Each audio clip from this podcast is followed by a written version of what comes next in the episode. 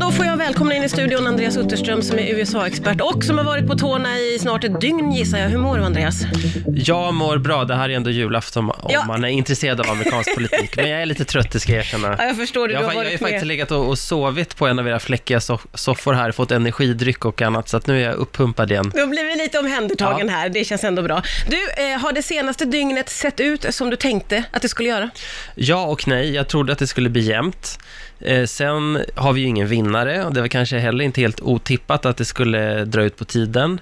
Eh, men det som förvånar mig mest är att Donald Trump har fått en del väljare eh, som han jag inte trodde att han skulle få. Han har, han har fått fler väljare bland eh, unga svarta män, eller svarta män, och han har också tappat eh, vita män och eh, latinos.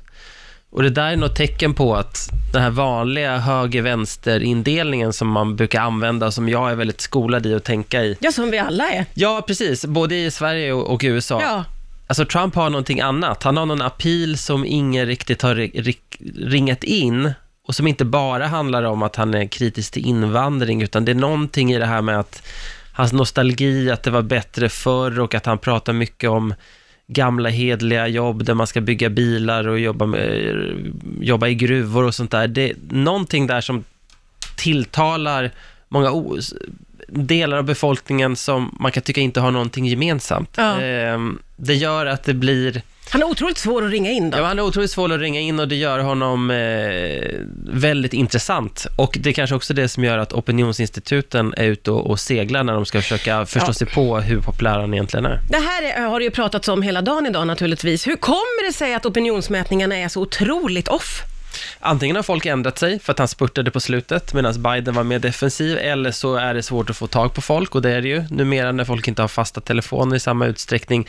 Eller så vill vissa inte berätta att de ska rösta på Trump. Ja. Eh, men jag har svårt att tro att, att det ska vara någon slags skam att vilja rösta på Trump nu. Det kanske var det 2016, eh, därför att han var ett oprövat kort. I, I år fanns det till och med en diskussion om det, fann, man kallar det för shy eh, Trump voters. Alltså, Eh, men i i år fanns det en diskussion om shy Biden voters, alltså republikaner som skulle rösta vänster, men inte vågade berätta det för de var rädda för att de skulle få skit av familj och vänner. ja. Eh, så att eh, det ska bli spännande att se sen när de ska stå till svars, för de fakturerar väldigt mycket för sina undersökningar och jag kan tänka mig att tidningar och tv-kanaler inte är superglada nu. Nej. Så vi får se vad de har att säga till sitt försvar. Först ut i natt eh, att kommentera var ju Joe Biden. Vi ska lyssna på ett litet, litet klipp på vad han sa. We're to have to be patient until we, uh, the hard work of tallying the votes is finished. And it ain't over till every vote is counted, every ballot is counted. Vad tänkte du om hans hela tal där, Andreas? Ska bara säga anledningen till att det tutar här var att han körde ett coronasäkrat Ja. eh, event som var en drive-in, så folk kom med sina bilar. Eh, det var ett väldigt märkligt tal. Han såg väldigt gammal ut. Han såg väldigt förvirrad ut. Han visste inte åt vilket håll han skulle gå ut. Hans fru viskade saker till honom. Han glömde något papper vid podiet. Och det kändes inte som att han trodde själv på det han sa, nämligen att vi kan vinna det här. Eh, nu ska vi kämpa ända in i kaklet. Så du tyckte han såg ut som en bruten man lite? Ja, en, en, en slagen man eller en väldigt, väldigt eh, trött 77-åring. Så kan det också vara. Ja. Eh, Men, men eh, att han gick ut och sa på det här sättet, det var ju i sig inte så konstigt, men leveransen var ganska dålig. Eh, det var ju heller inte så förvånande att Donald Trump gjorde något helt annat. Nej men precis, han gjorde ju onekligen någonting helt annat. Vad tänkte du om hans tal där han gick ut och sa att jag upplever det som att vi har vunnit? Ja, det han sa var ju att eh, jag har vunnit och eh, de har fuskat och jag tänker driva det här till Högsta domstolen. Och då ska man tänka på att eh, rösterna var inte färdigräknade och eh, han har heller inte preciserat på vilket sätt det ska vara ett fusk. Och det är inte så att presidenten bara kan kan eh, ta det här till Högsta domstolen, det är inte så systemet funkar. Eh, men det var inte så förvånande, han har pratat om röstfusk eh, sedan länge och eh, han vill alltid ha en plan B så att säga. Och det här kommer ju bli strid på kniven och säkert hamna i domstolen för att det blir bråk om rösträkningen i vissa delstater och då kan det bli som mellan Gore och Bush den yngre 2000 där det dröjde flera veckor. Ja, det var väldigt, väldigt utdraget. Så det kan, bli, det kan bli ett riktigt maratonlopp och jag tror också att Trump dras till drama så att han på något sätt tror att han kittlas av att nu blir det här det som hela världen kommer snacka om och det är han som står i centrum. Ja, men, men eh, tycker du att det är anmärkningsvärt att Trump säger en sån här sak? Eller blir du inte förvånad? Ja och ja. Anmärkningsvärt, ja men han är faktiskt president över ett land som ofta har hållit demokratins fana högt och nu går han ut och ogiltigförklarar valresultatet innan det är färdigräknat. Eh, men jag blir inte förvånad därför att under debatterna mellan Trump, eller under en av debatterna mellan Trump och Biden, då diskuterar man, ska valresultatet erkännas? Trump har hela tiden, hela tiden kommit med anklagelser om röstfusk, inte bara när det gäller det här valet, fast det inte ens hade ägt rum då, utan också att han tycker att han vann med större marginal mot Hillary Clinton. Så att det här är någonting som svävar omkring i luften, så att eftersom han hela tiden håller på och teasar sånt här, så när han väl kommer med anklagelsen så har man blivit lite avtrubbad, så att man inte riktigt tar den till sig. Och det är nog väldigt smart, därför att då, då landar det mjukare. Ja. Sen om han gör det av taktiska skäl eller bara följer sin magkänsla, det vet jag inte, men det spelar egentligen ingen Nej, roll, för nej. effekten blir densamma, det vill säga att det blir lättare för honom att säga sånt som ingen annan president hade sagt. Ja. Det har inte hänt så oerhört mycket under dagen. Det är ju också natt och det har sovits och vilats. Och, men för en liten stund sen så rapporterades det ju om att Biden har tagit en oerhört knapp ledning i Michigan. Eh, han hade 49,2 och Trump 49,1 tror jag. Och eh, 89 procent av rösterna hade räknats. Vad, vad tänker du om det här? Jag tänker att jag inte tänker någonting för en 100% är Ah, du är så... Ja, Ah. ja, men för grejen är att det där beror väldigt mycket på vilka distrikt det räknade och så finns det vissa som är så här stora storstadsdistrikt där ofta Biden har starkare stöd så att det är svårt att veta vilka slutsatser man ska dra och innan jag kom hit idag så var jag i satt jag i TV4 och då stod Marcus Oskarsson framför sin skärm och då var det nu leder Biden, nu leder Trump, nu leder Biden, nu leder Trump. Så jag fick nästan whiplash och därför känner jag att 100% i rösträkning innan jag eh, tar till mig de där siffrorna. Ja, och, och det här förstår vi att det här kan ta tid. Eh, vad tänker du om, om liksom, eh, den kommande tiden nu? Att det kommer bli rörigt, att det kommer bli väldigt mycket drama. Eh, Vad är det för drama vi kan vänta oss? ja, men olika utspel. Det skulle kunna tänka sig att eh, Trump kommer med fler utspel, man försöker starta juridiska processer, att han håller ett, eh, att han håller ett nytt valmöte fast eh, valet egentligen är över. Alltså det kan hända eh, allt möjligt. Eh, men det som är kul är ju att många har röstat. Jag vet inte vad de exakta siffrorna är, det kan vi inte säga för alla röster är inte räknade, men det är inte bara för vänstern som det här är ett ödesval och en kamp om USAs själ som Biden har pratat om hela tiden, utan detsamma gäller ju eh, Trumps supportrar eh, som också ser det som att för första gången har de fått en president som står på deras sida. Eh, un- under valvakan igår på SVT så var det några svenskar med som bor i USA och som röstar på Trump och det de hela tiden lyfte fram var att han är stolt över USA, han sätter America first och han är en bra affärsman. Och om man tycker att det är det viktigaste, då spelar det här andra som det är lätt att haka upp sig på för dig och mig, det spelar ingen roll då. Nej. Det är ändå det viktigaste. Man kanske tyckte att Obama eh, hela tiden skulle åka runt och ursäkta USAs roll och för vissa amerikaner är det väldigt provocerande. Eh, men det som är baksidan av det där myntet med det stora engagemanget, det är ju att de är helt oense om hur, vilken väg USA ska ta framåt. Det enda de är överens om, de här höger och vänsterväljarna, det är att livet är orättvist och sen vad man ska göra åt det, det, det är ju jättestor skillnad på Biden och, och Trump och hur de är och vad de vill göra. Så att det är ju ett väldigt delat land och det är delat, det är inte små detaljer de diskuterar utan det är verkligen stora saker och vad man ska ha för roll i världen och, och vilken typ av ledare man vill ha. Så att, så att det är ju upplyftande att många engagerar sig och deprimerande för att sprickan är så stor så att jag vet inte riktigt hur man ska lyckas eh, liksom bli ett land som håller ihop, utan det skulle behövas någon massiv liksom, gruppterapi för 300 miljoner människor. Det känns ju inte som att saken blir lättare när presidenten så, så eh, tydligt vänder sig mot sina väljare, där, där han liksom exkluderar de som inte eh, har röstat på honom. Han är en nischpresident. Ja. Hade han varit en produkt hade han varit någon, något, eh, något smalt som bara tilltar en liten del av, befolkningen och så struntar han i resten. Biden säger att han ska vara hela Ja. folkets president, men det kommer han aldrig lyckas med för vissa eh, kommer inte vilja lyssna på vad han har att säga och har för länge sedan bestämt sig för att han är antingen gammal och dement eller korrupt och opålitlig.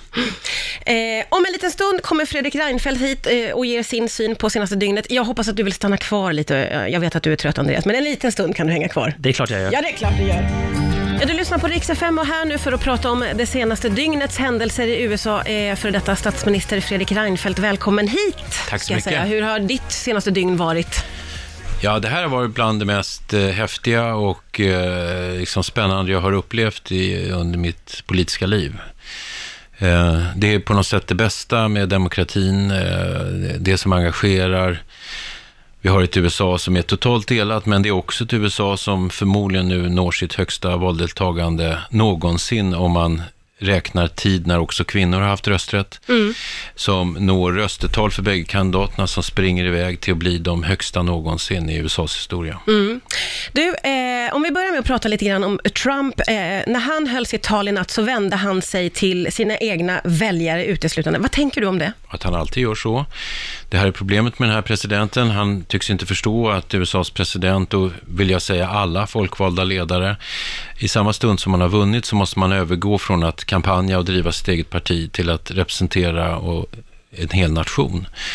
Eh, och så har alla presidenter före honom agerat, även om man har tyckt illa om dem, men trots allt har det varit utgångspunkten. Han försöker inte ens. Det här är en president som talar till sin bas eh, och som upplever att hans roll är att aktivera den basen, inte sällan med en svartvit bild mot de som inte tycker likadant. Det var precis i den andan och med samma bristande demokratiska sinnelag som han höll det här korta anförandet i natt.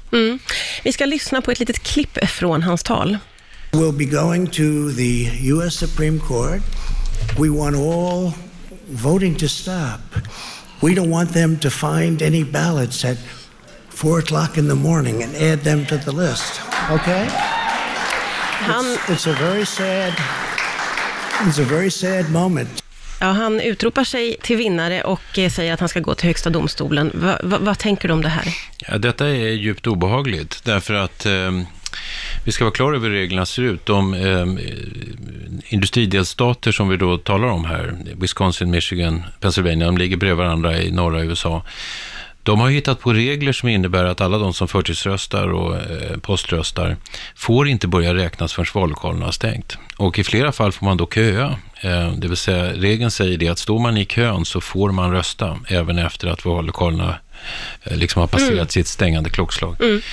Sen har de några få timmar på sig att räkna med det här regelverket. Det handlar om miljoner röster. Och då säger de, vi hinner inte allt. Nej, det vet alla att det ser ut så. Då går presidenten ut och säger, nu föreslår jag att vi slutar räkna. Det är liksom som att man drar ett streck när det passar. Ehm, och så tänker han att högsta domstolen ska eh, biträda det. Det. Det är som djupt odemokratiskt det han säger. Och det är väldigt många som har reagerat på detta.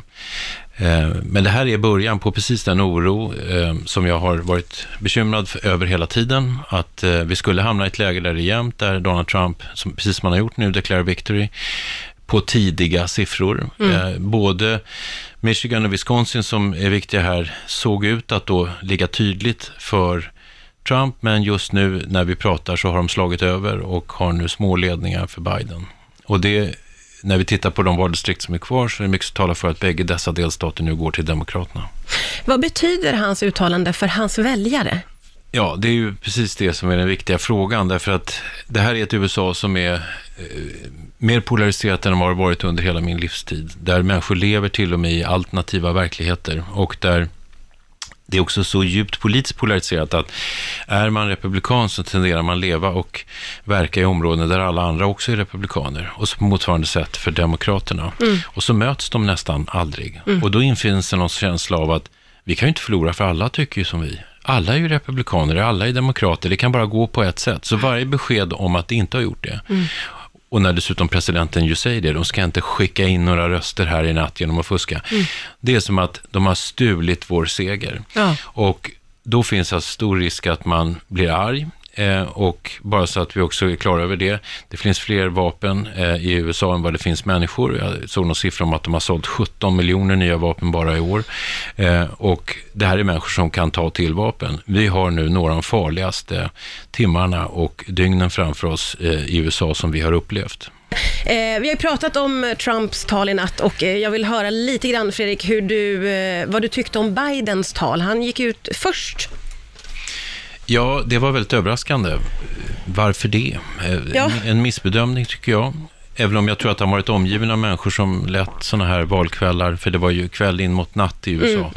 Säg, säg något nu så kan vi gå hem sen. Ehm, Tror du att det var en sån situation? Ja, det tror jag absolut. Och därför att i grunden hade han ju ingenting att säga eftersom det var uppenbart att eh, det här, då åtminstone när han sa det, fortfarande var så pass jämnt att det inte gick att liksom sluta sig till hur det skulle gå. Eh, Ehm, sen är det naturligtvis så att han möjligen förstår att det vi nu upplever under dagen, det vill säga att Michigan, Wisconsin slår om, de vann Arizona, att det förvisso är väldigt jämnt i Nevada, men det kan möjligen också de- Demokraterna, alltså den som kan sin matematik, hittar upp till 270 med hjälp av detta.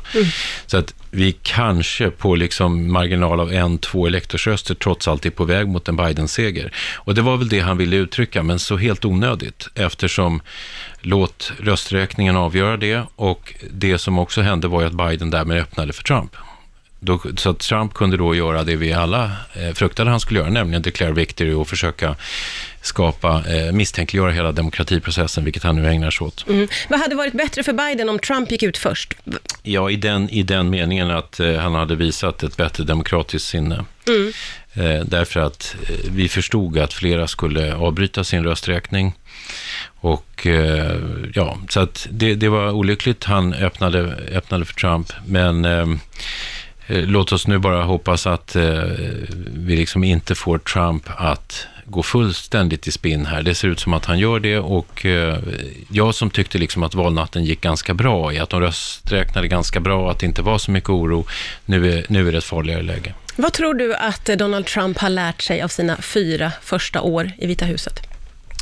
Jag tror inte att han så där alldeles säkert är en man som lär sig så väldigt mycket. Jag tror att han är övertygad om sin egen förträfflighet och eh, har förstärkts i den uppfattningen. Rådgivare säger konstiga saker.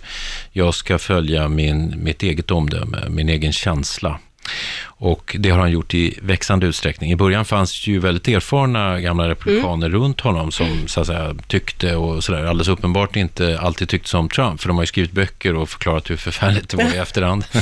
Eh, Men eh, mer och mer går Trump på sin egen känsla. Och Problemet är också att den känslan innehåller att han behöver inte heller bry sig om de demokratiska regelverk och de checks and balances som finns i USA. Så att han driver i en riktning där han allt mer gör som han vill. Mm. Va, vad tänker du om det, Andreas? Jag tänker att det han har lärt sig är att han kan bryta hur mycket han vill mot normer utan att egentligen behöva betala något pris för, för det. Han har överlevt en Rysslandsutredning, han har överlevt en riksrättsprocess, så att varje gång man börjar en mening med “inte skulle väl Donald Trump...” punkt, punkt, punkt, så är svaret ja. Därför att hans erfarenhet säger ju att här är bara att gasa på. Och om han vinner tror jag det kommer bli ännu mer så. Ännu mer sidobusiness eh, för familjens affärer och varför inte slänga in sin dotter som utrikesminister eller allt möjligt. Han har ju inget att förlora, så då är det bara att fortsätta. Så tror jag att han tänker. Om det skulle vara så att Biden vinner, så kommer ju eh, Donald Trump att vara eh, kvar i Vita huset och vara president till den 20 januari. Ja. V- vilken är hans makt under den tiden? Han har fortfarande benådningsrätt och alla exekutiva möjligheter. Eftersom Andreas mycket riktigt påpekar, här brukar man då lägga till, här förväntas ju då presidenten att eh, sköta sig. Och så det kan vi då påminna oss själva om att det kommer han ju i så fall inte göra. Han kommer dessutom vara arg, för han anser ju eh, att eh, det här är ett riggad eh, valförlust. Ja. Så att jag tror att vi har även av det skälet en stökig tid framför oss.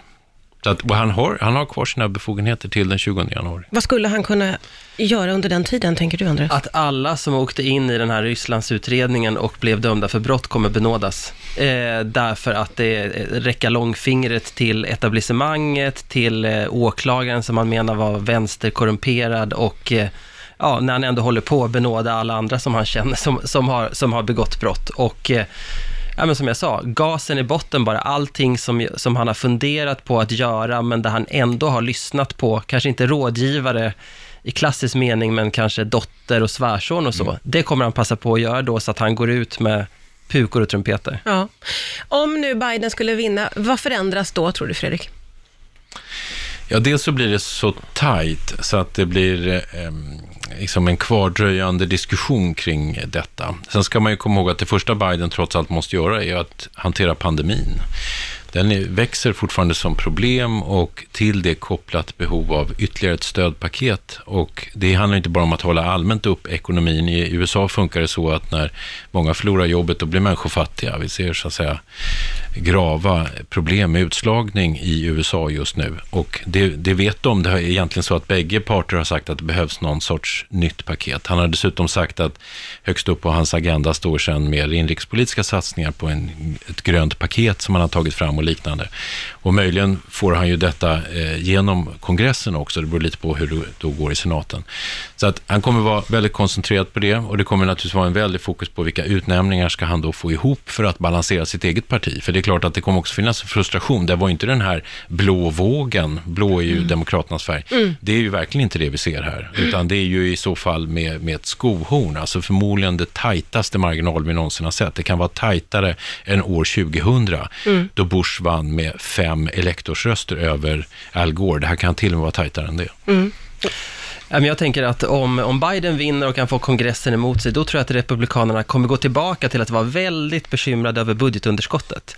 Som de var under Obama, men som de har glömt bort nu under åren med Trump. För att Trump spenderar ju som en brusad eh, sjöman och det tycks inte spela någon roll nu, men jag tror att om, om det är Biden som bestämmer och vill göra alla de här satsningarna och kanske måste höja bolagsskatten för att kunna finansiera det, då tror jag Republikanerna kommer bli tokiga och säga att här har vi en vänsterradikal, vi sa hela tiden att han var här, där jag tittar här, han ska spendera en massa pengar och han ska höja skatter och vad var det vi sa? Ungefär så tror jag att det kommer bli.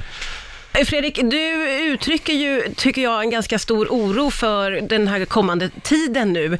Eh, I och med att det är så otroligt jämnt, eh, så betyder ju det väldigt mycket för det amerikanska folket. Och vi, ser ju, vi såg ju redan i natt att det var en del orosmoment. Eh, vad ser du framför dig kan hända här? Nej, det är, ju- det, oron är, jag ser att Trump också twittrar om det parallellt med att vi pratar här, att han håller på med det här, någon har tagit min ledning och sådana saker. Det, det är det vi kallar för rösträkning i demokratier. Han, han verkar alltså överhuvudtaget inte medveten om hur demokratiska processer ser ut och att det är välkänt att man, när man räknar så hänger det lite ihop med vilken del av en delstat man räknar och, och sådär, därför att det är blått och rött i lite olika delar. Så egentligen är det ingenting konstigt. Det här är demokrati sätt att, att fungera och man måste invänta resultatet. Men han signalerar att nu pågår korrup- korrupta eh, manipulationer och dessutom så var ju signalen, jag tror att känslan för några timmar sedan var oj, det blir en Trump-seger. Jag ser att massvis med folk har bettat på detta i Sverige och tänkte det driver. Men, men sanningen är att nu skulle jag säga att, att projektionerna talar mot att det möjligen till och med kan bli en Biden-seger. Så kändes det inte för några timmar sedan, men det, det trots allt pekar i den riktningen. Det är klart att han inte kommer att acceptera det. Och vad är risken? Ja, det är alla, alla som följer USA kan ju förstå själv. Det räcker med att någon 18-åring gör något med, med ett vapen i handen, så kan det här eh, liksom spinna off på ett sätt som, som tappar kontrollen. Jag hoppas verkligen vi slipper det, men man är ju naiv om man inte tror att vi inte har den typen av risker nu. Kan USA gå tillbaka till, och den amerikanska politiken till hur det var innan Trump? Svårt, för jag tror att han har öppnat en dammlucka när det gäller retoriken. Han har sänkt ribban för vad som är okej att säga. Så om man tänker sig att han förlorar och eh, lämnar politiken och bygger Trump Towers i Moskva eller någonting annat, då är jag svårt att tro att, att eh, nästa person som tar över partiet blir en Mitt Romney eller George W. Bush-typ. Kommer kanske- det en ny Trump? Ja, men kanske en, till exempel en senator som heter Ted Cruz, som har väldigt trumpiga drag, fast han är mer en, en true believer när det gäller konservativa värden, skulle jag säga. Men han är definitivt inte någon som tvekar att, eh, att ljuga, att eh, skrika fake news så fort han blir kritiserad eller demonisera motståndaren. Jag tror det är liksom väldigt svårt att vrida klockan tillbaka. Jag tror i alla fall eh, att det kommer ta tid. Ja, nej, jag kan bara instämma. Eh, Det är en, en råare republikanerna som har vuxit fram. Det är en radikalisering av detta parti som är mycket tydligt. Och det bygger på den cynism som sprider sig i samhället. Alla politiker är korrupta, alltså kan det liksom gärna vara mer auktoritära personer som eh, tar över.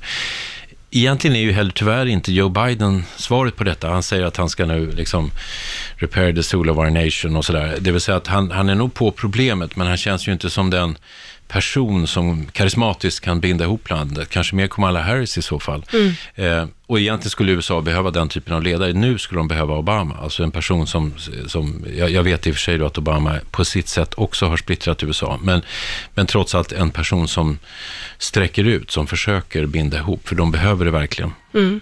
Eh, vad hoppas du på framåt, Fredrik? Jag hoppas att det här eh, rör sig framåt ganska snabbt under dagen. De har som sagt eh, räknat lite mer imponerande än vad jag trodde. Eh, de har uppenbarligen förberett sig ganska väl. Alltså vi talar ju om Senaste rekordet var väl 136-137 miljoner röster. Nu är vi kanske uppåt 160 miljoner. Det är fantastiska resultat. Jag hoppas att de snart räknar klart. Vi behöver ett snabbt resultat för att kunna lugna den här oron som nu finns. Mm. Fredrik Reinfeldt och Andreas Utterström, tusen tack för att ni tog er tid att komma till Riksa 5 idag.